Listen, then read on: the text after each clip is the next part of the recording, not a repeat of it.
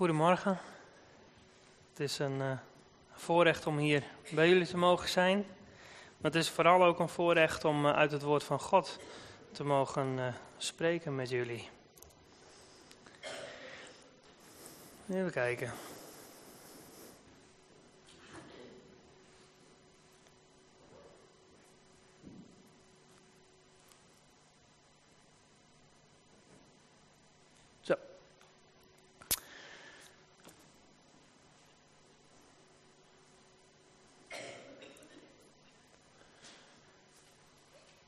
De tien woorden.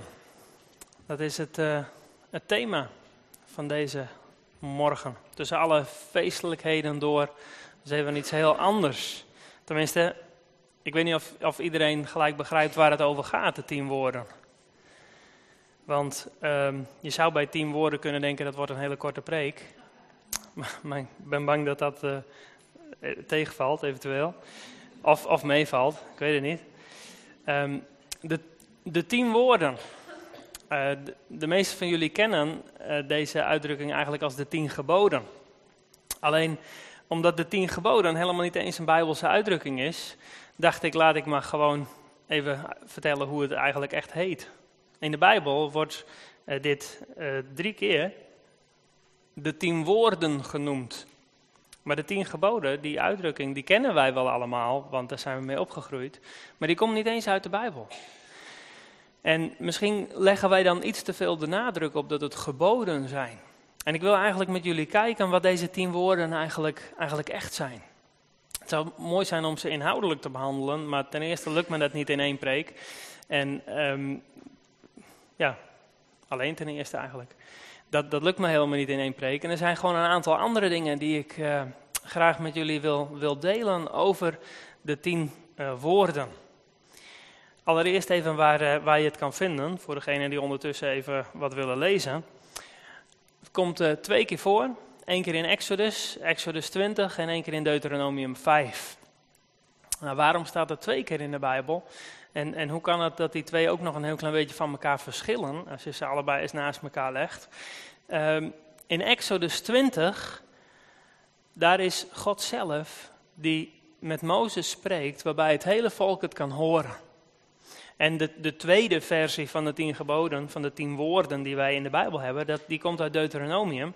En dat is 40 jaar later. 40 jaar later spreekt Mozes, in een, hij houdt daar een aantal toespraken aan het eind van zijn leven, voordat het volk het land Israël in mag gaan. En dan, dan citeert hij, herhaalt hij weer wat er allemaal gebeurd is. En dan noemt hij dus nog een keer die tien geboden. En er zitten wat verschilletjes in. Maar de eerste is dus min of meer de originele waar God zelf spreekt. En de tweede versie is waar Mozes het 40 jaar later nog een keer tegen het hele volk zegt. Nou, is dit misschien wel een van de meest bijzondere stukjes tekst uit de geschiedenis? Kan ik dat zomaar zeggen? In wezen is alles wat Jezus gezegd heeft toen hij hier op aarde was natuurlijk ontzettend bijzonder. Want het woord van God dat vlees geworden is en onder ons heeft gewoond, heeft gesproken en heeft dingen gezegd. En wat kan nou bijzonderder zijn dan dat? Nou, misschien is het niet bijzonderder dan dat, maar dit is toch ook wel heel erg bijzonder. En ik heb drie redenen waarom, waarom dit zo'n bijzonder stukje tekst is. Waarom die tien woorden, het zijn tien, tien, uh, ja, tien gedeeltes bijna. Maar die zijn ontzettend bijzonder. En de eerste reden daarvoor is vanwege de inhoud. De inhoud van de tien geboden wordt eigenlijk door heel veel mensen, overal wordt het beschouwd als iets, ja, soort hoogstaans of zo, iets heel moois. Het is, het is op zich heel compact en uh, ja, toch is het gewoon zo veelzeggend en zo, ja, de, de, onze cultuur, maar ook heel veel culturen in de wereld zijn er sterk door beïnvloed. Het heeft heel veel invloed gehad. Maar sterker nog, het, het, het weerspiegelt eigenlijk een soort stuk rechtvaardigheid. En je kan het zien als geboden, dus gewoon van, nou ja, regeltjes en dan moet je je nou één keer aan houden. Maar je kan, als je, als je naar de inhoud kijkt en, en kijkt van wat, wat wordt er dan eigenlijk van ons gevraagd, dat zijn over het algemeen helemaal geen, geen vreemde, rare dingen of zo. Niet dat, niet dat je denkt van, goh, wat is het raar dat ik niet mag moorden of zo. Dat, en een aantal zijn misschien iets, iets anders, iets typischer. De gemiddelde ongelovige die zal nou niet direct denken van waarom mag ik God nou niet als, waarom mag ik geen andere goden aanbidden? Niet dat ze dat misschien willen, maar ook God aanbidden of de Sabbat houden. Dat zijn nou niet direct dingen die, die ja, mensen die niet van God gehoord hebben ook zouden doen. Maar zelfs dat is, is iets wat ja, toch gewoon heel mooi en bijzonder is. En zo is dat, dat stuk tekst. En ja, een, een soort bijzondere leefregels zijn het. En um, ik, ik, wil met jullie kijken naar. Uh, ik wil kijken wat Jezus eigenlijk daarmee doet. Want uh, jullie kunnen het lezen in Matthäus 22. Op een gegeven moment komt, maar dat gaan we nu niet doen. Op een gegeven moment komt een wetgeleerde komt bij de Heer Jezus. En die vraagt aan de Heer Jezus, eigenlijk om hem erin te luisteren. Vraagt hij aan hem: Wat is nou het belangrijkste gebod? Ja, als je er tien hebt, ik weet niet of ze in die tijd over de tien geboden spraken of gewoon over de tien woorden. Maar hij vraagt, wat is nou het belangrijkste gebod? Het schijnt dat de Joden 613 uh, geboden tellen in het Oude Testament. En, uh, en ja, welke is nou het belangrijkst? Waar moet je nou beginnen? Tien geboden zou een heel mooi goed begin zijn, toch? En toch als Jezus daar de, hele beroemde uitspraak doet van heb God lief boven alles en je naast als jezelf, hij citeert niet uit de tien geboden. Wat hij daar zegt komt niet uit de tien woorden. Wat hij zegt komt wel uit eh, de Torah, komt wel uit hij citeert uit Deuteronomium en uit Leviticus. Maar niet uit de tien woorden. Maar als je kijkt naar ja, heel Exodus tot Deuteronomium, dat bestaat voor het overgrote gedeelte uit een soort uitwerking van die tien woorden.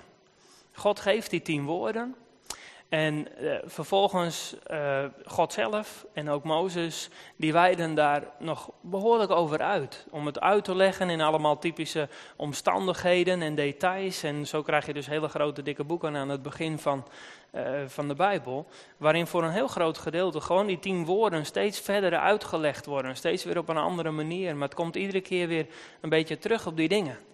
En dan zou je verwachten dat Jezus citeert, gewoon, hup, eh, de hele tien geboden. Of dat hij bijvoorbeeld zegt van, eh, hij vraagt, wat is het belangrijkste gebod? En Jezus zegt, nee, er zijn er tien en die zijn allemaal heel belangrijk. Maar Jezus die doet heel iets anders. En Jezus citeert ten eerste uit Deuteronomium. En ik heb er iets meer context bij gepakt, want Jezus citeert maar een klein stukje hiervan. Maar uh, als Jezus iets citeert, zeker tegen een wetgeleerde, dan weet die wetgeleerde wel waar dat vandaan komt. En die weet ook wel wat er nog meer staat. En dan zegt uh, Jezus die zegt, het, het, belangrijkste gebod is God liefhebben met heel je hart, met heel je ziel, met heel je kracht. Dat haalt hij hier vandaan, uit Deuteronomium 6 vers 5 dan. Maar dat staat in het stukje, uh, luister Israël, de Heer onze God, de Heer is één. Dat is een ontzettend belangrijke uitspraak in het Jodendom. Dat is voor hun eigenlijk gewoon misschien wel het allerbelangrijkste stukje uit het Oude Testament. Dus als Jezus wat dogmatischer was geweest, dan had hij waarschijnlijk dat geciteerd. Maar hij citeert niet dat stukje, hij citeert wat daar achteraan komt.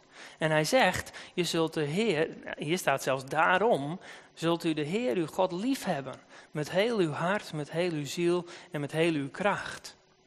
En dan daar, direct daarachteraan, wat Jezus dus niet citeert, maar wat er in Deuteronomium staat, is deze woorden die ik u heden gebied. Deuteronomium 6, uh, eh, Mozes is daar hoofdstukken lang aan het preken tegen het volk. En hij preekt als thema de tien geboden. En uh, met heel veel uitweiding en dergelijke. En dan zegt hij, deze woorden die ik u heden gebied, die moeten in uw hart zijn. En... Um, ook in, het, ook in het volgende gedeelte dat Jezus citeert, daar wordt het hart genoemd. En het viel me zo op dat dat hart zo centraal, centraal, staat in de context van allebei die stukjes die Jezus citeert. Jezus verzint dat niet zelf, heb God lief met heel je hart en, en je naaste als jezelf. Dat is niet een soort nieuwe uitvinding van de Heer Jezus. Nee, Jezus die uh, neemt dat uit het Oude Testament en uit dat hele, hele gedeelte zegt hij, dit zijn de twee belangrijkste dingen. Er staan nog veel meer geboden bij, maar die zijn eigenlijk gewoon een uitwerking van deze twee. In Leviticus, daar staat, u mag in uw hart uw broeder niet haten. ook een uh, mooie uitdrukking trouwens. U moet uw naaste zeker terechtwijzen, zodat u geen zonde op hem laat. U mag geen wraak nemen of een wrok koesteren tegen uw volksgenoten, maar u moet uw naaste lief hebben als uzelf. Ik ben de Heer. En wat mij opviel is dat ook hier, net als in Deuteronomium, in de context over het hart gesproken wordt. En ik, ik denk dat die wetgeleerden, net zoals wij soms nu ook wel, toch een beetje geneigd zijn. Wij, willen graag gewoon precies weten hoe het zit. Gewoon, eh, ja, wat moet ik nou gewoon precies doen? De rijke jongeling komt ook bij de Heer Jezus en die zegt, wat moet ik nou doen? En Jezus verwijst daar gewoon naar, naar die tien woorden. Hij noemt ze niet eens allemaal, maar hij verwijst daarnaar. En toch gaat het verder dan dat. Want het doen van die dingen, daar, ja, daar, daar word je niet door gered. Het gaat eigenlijk om iets anders. Zoals in Deuteronomium daar staat, deze woorden die ik u heden gebied, moeten in uw hart zijn. Je kan het wel doen, omdat we uh, elkaar erop aankijken, eh, sociale controle, of omdat we onder dwang uh, ja, die dingen doen die je moet doen. Maar dat brengt je helemaal niet dichter bij God. Wat je dichter bij God brengt, is als deze dingen uit je hart komen, als deze dingen in je hart zijn. En dat het, zoals in Deuteronomium staat, dat het uit liefde is. Niet dat je doet wat je moet doen, maar dat je graag God wil dienen. Dat je graag God een plezier wil doen, omdat je van Hem houdt. Dat is waar het om gaat. En Jezus wijt dan uit, het gaat niet alleen maar om het liefhebben van God, maar het gaat ook nog om het liefhebben van je naaste. Je mede, ik zou zeggen je medemens, ook al gaat het in de context van de Viticus, specifiek over, over het, het eigen volk, broeders en zusters. Maar in de gelijkenis van de barmhartige, eh, barmhartige Samaritaan zie je dat Jezus het woord naaste veel breder uittrekt. En, en dan zie je daar dat de priester, en jullie kennen dat verhaal wel toch, de barmhartige Samaritaan, daar hoef ik niet op in te gaan. Um, je, je ziet dat die priester en de leviet, die komen daar aanlopen, die zien daar iemand liggen die misschien wel dood is. En die denken, ja, in de wet van Mozes staat dat ik, als ik een lijk aanraak, dan ben ik onrein en dan mag ik geen dienst meer doen in de tempel. Dus God wil vast niet dat ik deze persoon ga helpen. Was hun interpretatie van, eh, het is niet dat het hele slechte mensen waren die geen vieze handen wilden krijgen. Nee, ze wilden graag God dienen. En ze dachten van, ja, God wil vast niet dat ik mij verontreinig. God heeft vast veel liever dat ik mij heilig en rein bewaar, zodat ik straks in de tempel dienst mag doen. En die Samaritaan, die weet van niks over rein en heilig en dat soort dingen misschien. En die komt al langs en die denkt van, god, die meneer heeft misschien wel hulp nodig, laat ik hem helpen. En die gaat zelfs, die doet zelfs meer dan je zou mogen verwachten. En Jezus zegt, wie is nou een naaste geweest? Jezus legt dat woord naaste eigenlijk zo breed uit dat het om elk mens gaat. En in 1 Johannes, daar zegt um, Johannes zelf, die schrijft daar, het is onmogelijk om van God te houden en niet van, van je medemens te houden. Want je medemens kun je zien en God kun je niet eens zien. Weet je wat ik denk dat de belangrijkste reden is om van je naaste te houden? Zoals Jezus zei, heb God lief boven alles en je naaste als jezelf. De belangrijkste reden om van je, van je medemens te houden, is omdat je medemens, net als jijzelf, naar het beeld van God geschapen is. En als je iemand tegenkomt, wie dan ook, het kan misschien zelfs wel een hele slechterik zijn of iets dergelijks, of zoals zo'n man langs de weg die misschien wel dood daar ligt, maar nog steeds is het een schepsel van God. Nog steeds is het een, iemand die naar Gods beeld geschapen is, iemand waarin, waarin je God kan herkennen. Als je heel goed kijkt soms. Maar medemensen. En Jezus zegt ook, Jezus zegt niet alleen, hij citeert hier uit Leviticus, heb je naaste lief als jezelf. En het bijzondere daaraan is dat eigenlijk wat Jezus zegt over liefhebben, God boven alles en je naaste als jezelf. Dus er zijn maar twee niveaus van liefhebben. God en, en, al het an, en alle andere mensen. Inclusief jezelf. Dus het is niet dat je de ander, je moet de ander hoger achten dan jezelf misschien, maar niet meer lief is niet die ander is meer waard dan ik. En, en dan, nou ja, ik, ik doe maar gewoon zo, want die ander, die is toch ook belangrijk, toch veel belangrijker misschien wel. Nee, jij bent net zo belangrijk als al die andere mensen die niet alleen hier zitten, maar ook die 7 miljard die rondhuppelen hier op aarde. Jij bent net zo belangrijk als al die anderen. Maar al die anderen zijn ook net zo belangrijk als jij. En als je daar een, een zekere balans in weet te vinden, en ik denk dat dat is wat Jezus bedoelt. God boven alles stellen. En niet denken dat de ene mens belangrijker is dan de ander.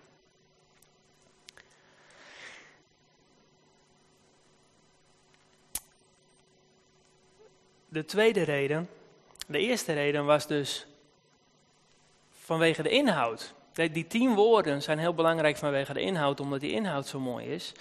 Maar de tweede regen is vanwege de spreker. En ik heb het net al heel even genoemd, maar ik probeer het een klein beetje te vermijden, want het komt nu pas.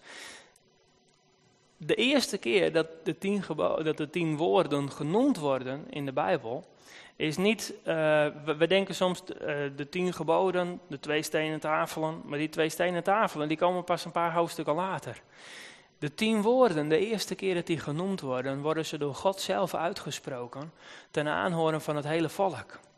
God zegt tegen Mozes, ik wil, ik wil tegen het hele volk uh, wil ik iets zeggen. Dus ga ze erop voorbereiden, moeten ze zich drie dagen voorbereiden. Onder andere mogen ze drie dagen geen seks hebben. Dat is voor de een moeilijker dan voor de ander misschien.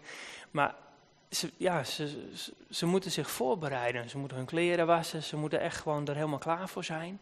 En dan, dan komt God. God zegt op een gegeven moment, Mozes is al een paar keer op de berg geweest. We denken dat hij één keer, soms denk je dat hij één keer de berg op ging. 40 dagen kwam hij terug, klaar. Nee, hij, hij had een goede conditie blijkbaar. Want hij ging echt, uh, als je die paar hoofdstukken leest, dan ging de berg op en af, op en af, die hele berg. Een heel pad uitgeslepen waarschijnlijk. En op een gegeven moment zegt God tegen hem, als hij weer op de berg is, je moet nu naar beneden gaan en, en alles wat ik net tegen je gezegd heb, moet je tegen het volk zeggen. En als Mozes dan beneden is bij het volk, dan ineens spreekt God ten aanhoren van het hele volk. En, en dat was best wel heel bijzonder, want ondertussen, daar, daarvoor al, was op een gegeven moment God neergedaald op de berg. Dus dat hele volk, volgens Mozes waren het ongeveer 600.000 mensen. Dat hele volk, dat, dat zit daar onderaan die berg. En uh, op een gegeven moment komt, komt God op die berg. Een grote donkere wolk en vuur. De, de top van die berg staat helemaal in de fik.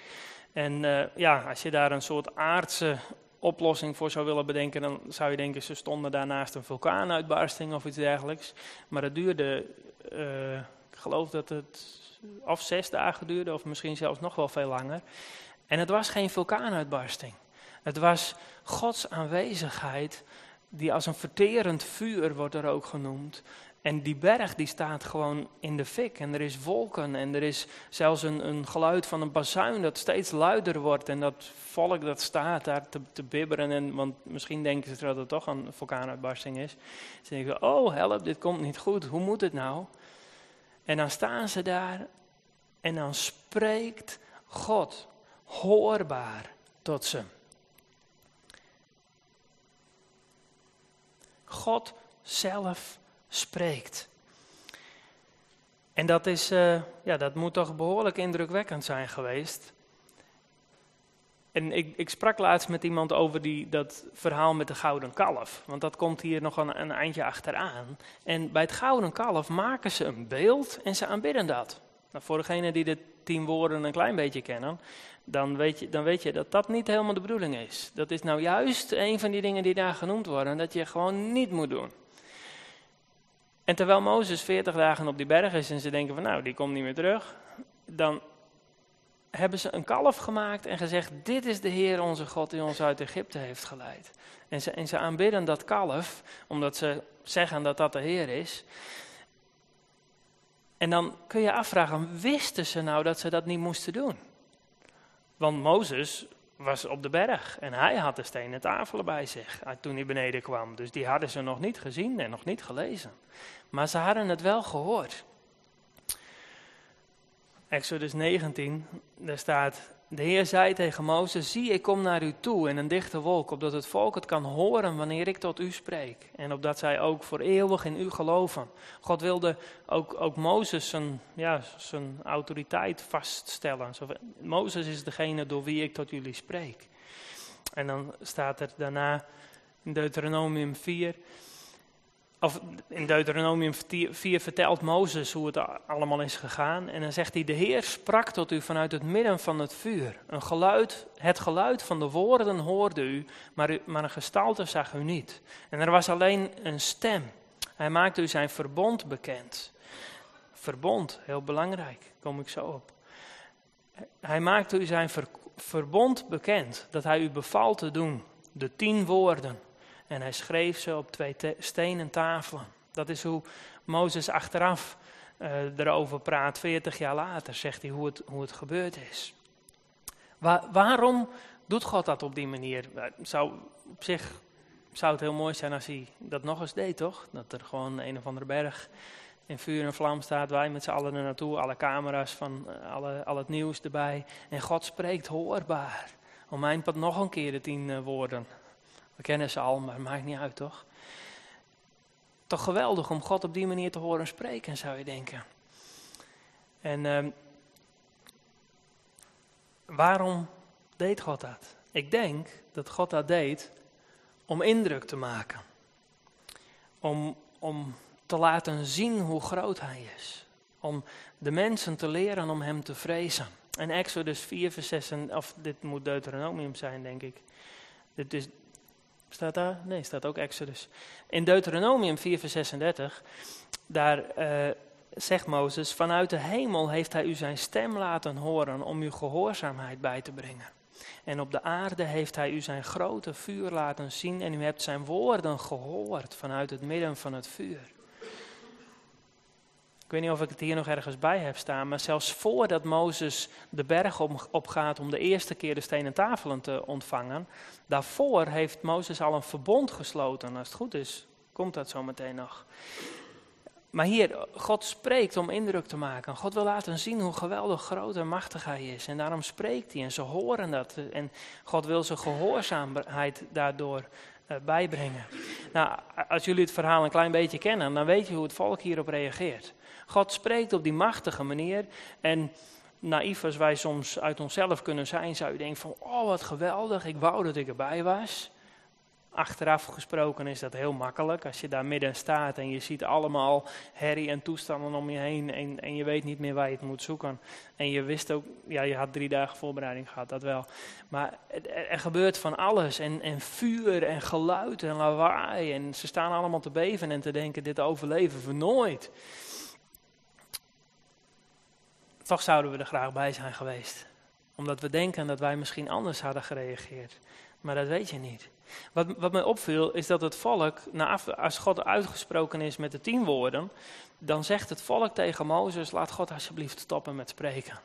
Want we kunnen dit niet aan. Wat jammer hè, dat ze dat hebben gedaan. Maar toch, ze zeggen, we kunnen hier niet naar luisteren, we kunnen dit niet aan. Laat God maar tot jou spreken en zeg jij dan maar wat hij gezegd heeft. Dat is toch wat comfortabeler. En dan, ik, ik stel me zo voor dat dat God verdriet zou moeten doen. En dat God dan zegt van, nou jongens, kom ik hier speciaal om tot jullie te spreken en willen jullie mij niet horen? Wat is dat nou weer voor Zo'n zo'n reactie zou ik van God verwachten. Maar weet je dat God totaal anders reageert? Als het volk tegen Mozes zegt, ga jij alsjeblieft met God praten, want, want, wij, ja, wij kunnen hier niet tegen. Dan zegt God, het is goed wat ze gezegd hebben, zegt hij tegen Mozes. En dan, en dan staat er in Deuteronomium 5 vers 29, waar Mozes het dus allemaal nog een keer vertelt. Dat God daar zegt, och hadden zij maar zo'n hart om mij te vrezen en mijn geboden alle dagen in acht te nemen. Opdat het hun en hun kinderen voor eeuwig goed zou gaan. Dat is trouwens iets wat, heel, wat continu terugkomt in dat hele verhaal over die tien woorden. Dat het hun goed mag gaan. Dat het voor hun eigen bestwil is. Maar God zegt, hadden ze altijd maar zo'n hart om mij te vrezen. God is eigenlijk blij met die reactie van het volk. Waar het volk tegen Mozes zegt van, alsjeblieft laat God tot jou spreken en dat jij doorgeeft wat hij gezegd heeft. En laat God niet meer tot ons spreken, want het is te onzagwekkend. En we, we zijn bang dat we dit niet overleven als God doorgaat om met ons te spreken. En God zegt, dat is eigenlijk, dat is wat ik graag wil. Dat jullie ontzag voor mij hebben, dat jullie mij vrezen. Wel in combinatie met dat liefhebben dan natuurlijk. Maar God vindt het niet erg dat ze op deze manier reageren. En ja, als, als mijn idee dan is dat God misschien boos zou moeten zijn, of dat God wel door zou moeten spreken en God zegt het is goed zo, en ik ben blij dat jullie mij vrezen, dan heb je zo'n typische situatie waar ik iets anders denk dan de Heer. En uh, in die situaties heeft hij meestal gelijk. Nou ja, meestal, oké. Even kijken. Er is nog een, uh, nog een derde reden waarom deze woorden zo ontzettend belangrijk zijn. Niet alleen vanwege de inhoud en vanwege degene die het eigenlijk zegt, maar ook vanwege het doel. Waarom geeft God eigenlijk die tien woorden? Waarom zegt hij die dingen tegen het volk? Waar, waar, wat is er eigenlijk bezig? Is dit van nou, God wou gewoon zeggen de dingen die nou één keer heel belangrijk zijn of iets dergelijks? Nee, die tien woorden maken deel uit van iets groters. Zoals in een van de teksten net al stond. God heeft jullie zijn verbond bekendgemaakt. En uh, wij kennen het als de tien woorden, of als de tien geboden, terwijl er eigenlijk staat de tien woorden. Maar als je er dan toch zelf een, een, een woord aan, aan, zou willen geven, dan zou ik denken van misschien kun je het een beetje zien als de tien verbondsvoorwaarden. Want God wil een verbond met Israël sluiten. En in, in die context, waar hij zegt ik wil een verbond met jullie sluiten, daar spreekt hij die, die mooie woorden, hoorbaar voor het hele volk. En als God dat dan gezegd heeft en, en Mozes gaat naar God toe en God zegt nog een hele hoop tegen Mozes, dan gebeurt op een gegeven moment dit. Nog voordat Mozes de berg op gaat om de stenen tafelen te ontvangen. Oh ja, eerst, eerst nog even één dingetje. Een verbond, een verbond met God. Ook wij hebben nu een verbond met God, toch? Maar wat is dat nou eigenlijk, een verbond met God? Wij kennen vooral het huwelijksverbond. Een verbond van twee gelijken die een relatie met elkaar aangaan, met wederzijdse uh, ja, plichten en voorrechten. En als het goed is, zien we het niet al te zeer als plicht, dan hoop ik voor degenen die getrouwd zijn. Um, maar wat, wat, ja, hoe is dat nou met God? God vergelijkt zijn relatie met de mensen ook met een huwelijk. En toch is, er, is het niet helemaal gelijk. Want het verbond wat wij met God hebben is niet een verbond tussen twee gelijke partijen.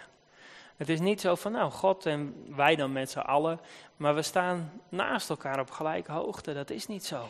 Het is eerder als een, als een, ja, een koning naar zijn volk, maar zelfs dat voldoet gewoon niet aan, aan de relatie tussen God en ons. Hij is onze schepper. Hij is onze vader, hij is onze koning, hij is onze God, hij is, hij is alles. En het, überhaupt het feit dat wij als mensen een verbond met God kunnen hebben, is al zoiets iets bijzonders. Hoe ga je nou met die tien woorden om? Met die tien geboden, zoals wij ze zo vaak noemen. Ik zou het heel even willen vergelijken met de huwelijksakte. Nou, weet ik niet hoe, hoe of jullie dat allemaal mooi op een plekje in de kast hebben staan en dat regelmatig lezen of iets dergelijks. En iedere keer studeren van wat moet ik doen? Wat moet ik doen? In mijn geval uh, naar mijn vrouw toe, wat zijn mijn plichten die ik moet doen? Of eventueel, als je iets anders in elkaar zit, dan kijk je alleen naar die andere helft. Wat moet zij allemaal doen? Dat kan ook natuurlijk. Zo kun je de Bijbel ook lezen. De een die leest van wat moet God allemaal voor mij doen. En de ander die leest wat moet ik allemaal voor God doen. Terwijl dat is, dat is niet waar het om gaat. Als je huwelijk, als daar de huwelijksakte in centraal staat en je slaat elkaar daarmee om de oren en je zegt van hallo, kijk eens wat hier staat, wat jij moet doen. En ondertussen ben je heel hard aan het studeren over wat jij moet doen. Dus misschien heb je dan counseling nodig.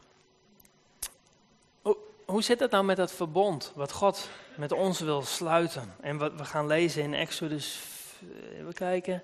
Het doel is een verbond. En we gaan lezen in Exodus 24, waar dat verbond ook daadwerkelijk gesloten wordt. En dit is dus nog voor dat Mozes de berg op is gegaan om de stenen tafelen te ontvangen. Hij nam het boek van het verbond, daar, daarin staan de tien woorden, maar ook de uitleg die God aan Mozes daar nog bij heeft gegeven toen hij ook de berg op was. Hij is heel wat keer in die berg op geweest hoor, als je heel Exodus leest. En als je Deuteronomium leest, dan is hij nog vaker de berg op geweest, maar dat zijn dezelfde keren, dus dat, dat telt niet helemaal. Maar hij is heel wat keer aan de berg op geweest. En dan op een gegeven moment is hij weer beneden. En dan neemt hij het boek, want God heeft tegen hem gezegd: schrijf alles op wat ik tegen jou gezegd heb. God zelf heeft de tien geboden of de tien woorden opgeschreven, maar Mozes moest de rest opschrijven. En dan heeft hij een boek gemaakt, en dat bestaat ongeveer uit Exodus, uh, nou ja, hoofdstuk 20, 21, 22 en 23. Vier hele hoofdstukken. En dat leest hij hiervoor. Hij nam het boek van het verbond, dat zijn dus ongeveer die vier hoofdstukken, en hij las dit ten aanhoren van het volk voor. En ze zeiden, alles wat de Heer gesproken heeft, zullen wij doen en hem gehoorzamen. Fantastisch toch? Goed begin, is het halve werk. Toen nam Mozes het bloed, sprenkelde op het volk en zei, dit is het bloed van het verbond. Bekende uitspraak ook voor ons toch, als, als christenen, dit is het bloed van het verbond. Dat zei Jezus later over ander bloed en een ander verbond. Zie, dit is het bloed van het verbond dat de Heer met u gesloten heeft, op grond van al die woorden. Dus op basis van al die woorden, die tien woorden, maar ook wat er verder nog bij hoort, op basis van die woorden heeft God een verbond met ons gesloten. En in de, in de tien woorden staat vooral eigenlijk wat er van ons verwacht wordt. Maar God zelf doet ook wat. Sowieso een lang en gelukkig leven, wat op zich heel mooi is, toch? Als, als iets wat je ervoor terugkrijgt in dat verbond. Maar ook nog iets anders, zullen we straks zien. Um, ja, um, het doel van die tien woorden is dus een verbond. En dan is de vraag, wat is het doel van het verbond? Het doel van die tien woorden is dus een verbond. Maar waarom nou een verbond? Waarom wil God graag een, verbond met de mensen? Nou, sowieso omdat God een, God van relatie is. En hij houdt van mensen en hij houdt van relatie. Dus dat is al, uh, dat is al heel belangrijk. Maar God zegt in Exodus 19, zegt hij zelf ook, waarom hij een verbond met, de, met het volk wil sluiten. Dus het is altijd interessant toch, om te kijken wat God zelf zegt.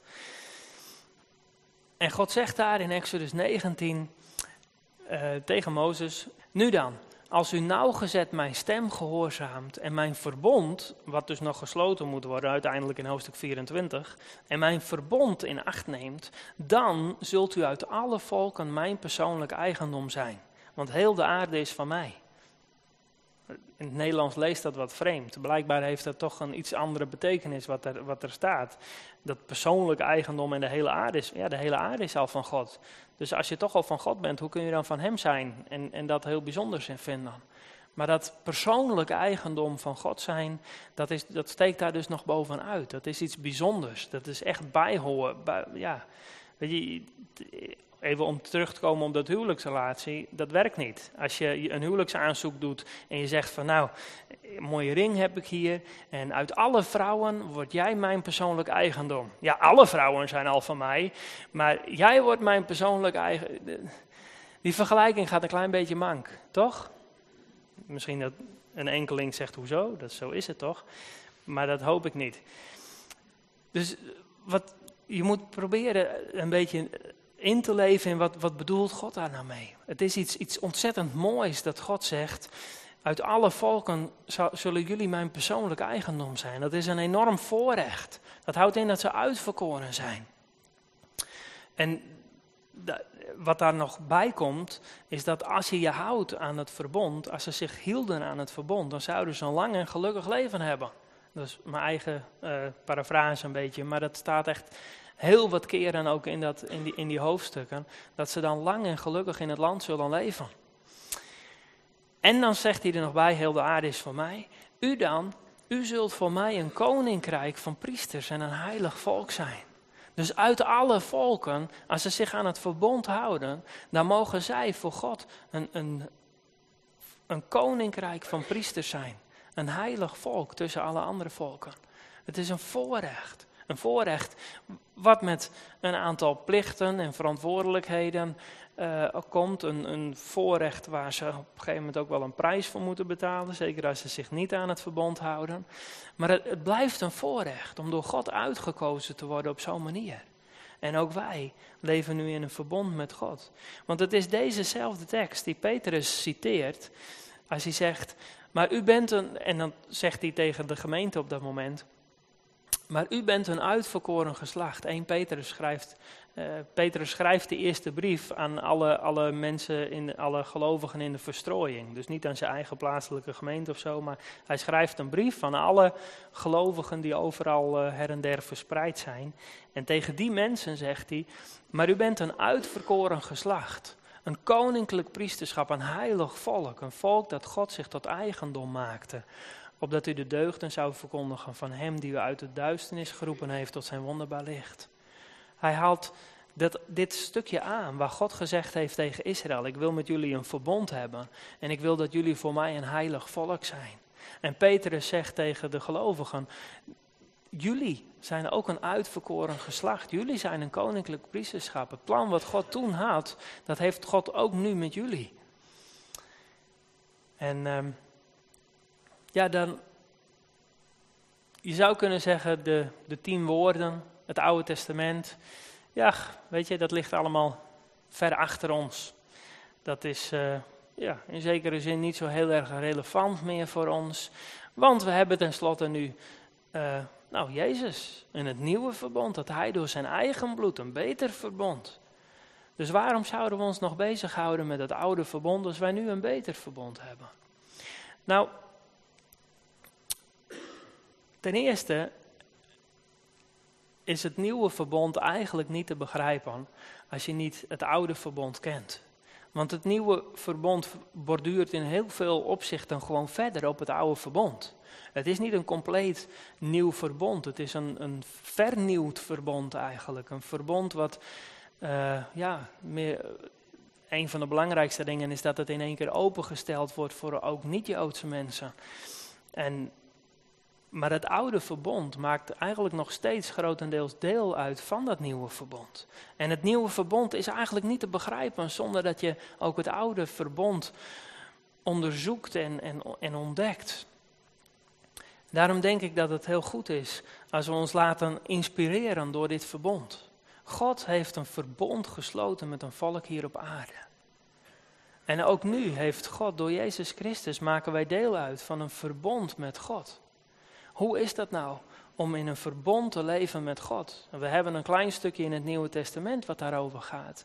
Maar in het Oude Testament, zoals wij het noemen, daar hebben we een heel groot een hele grote hoeveelheid informatie over hoe het is om in een verbond met God te leven. En als je wil weten hoe het is om in een verbond met God te leven, wat je overigens, degene die Jezus hebben aangenomen, je, hebt, je leeft al in een verbondsrelatie met God. En als je nou meer en meer wil weten over hoe dat is, dan kun je ontzettend veel leren van het verbond, van deze verbondsrelatie die God met Israël had gesloten. En die tien woorden, die staan daar een beetje centraal in. Ze worden nog steeds aan onze kinderen geleerd, toch? Die tien woorden. Maar het gaat niet alleen om die tien woorden. Het gaat daardoorheen. Gaat het om de relatie die God met mensen heeft. Zoals God ook nu een relatie met ons wil hebben en ons uitnodigt. Kom tot, kom tot mij, allen die vermoeid en belast zijn, hebben we gehoord. En dan zegt hij, ik zal jullie rust geven. En leer van mij, want ik ben nederig en zachtmoedig van hart. We mogen bij hem komen om van hem te leren.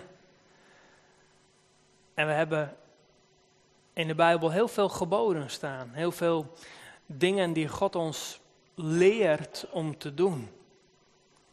Maar als je daar heel erg op focust en bezig bent met wat je kan leren over hoe je moet handelen en wat je moet doen en wat je moet laten, en je focust daar heel erg op, dan heb je wel de kans dat je uiteindelijk ja, de plank mislaat, de boot mist, hoe, hoe je het maar wil noemen.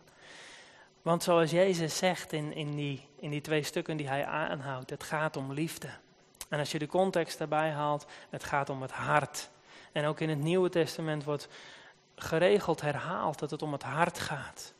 Het gaat niet om, uh, om het, het naleven van regels. Aan die regels kunnen wij herkennen wie God is en wat God eigenlijk graag van ons wil. En als je van hem houdt, wil je niks liever dan dat. Dan weten hoe je God een plezier kan doen. En hoe je in je levenswandel um, dichter naar God toe kan groeien. Maar het moet wel uit liefde voortkomen. Het moet uit een verlangen voortkomen. En het gaat daarbij om ons hart. En het volk Israël, in de hele geschiedenis die wij in de Bijbel hebben van het volk Israël, hebben ze heel wat fouten gemaakt. En er zijn ook tijden geweest dat het wel goed ging. En daar is voor ons nu nog steeds ontzettend veel van te leren.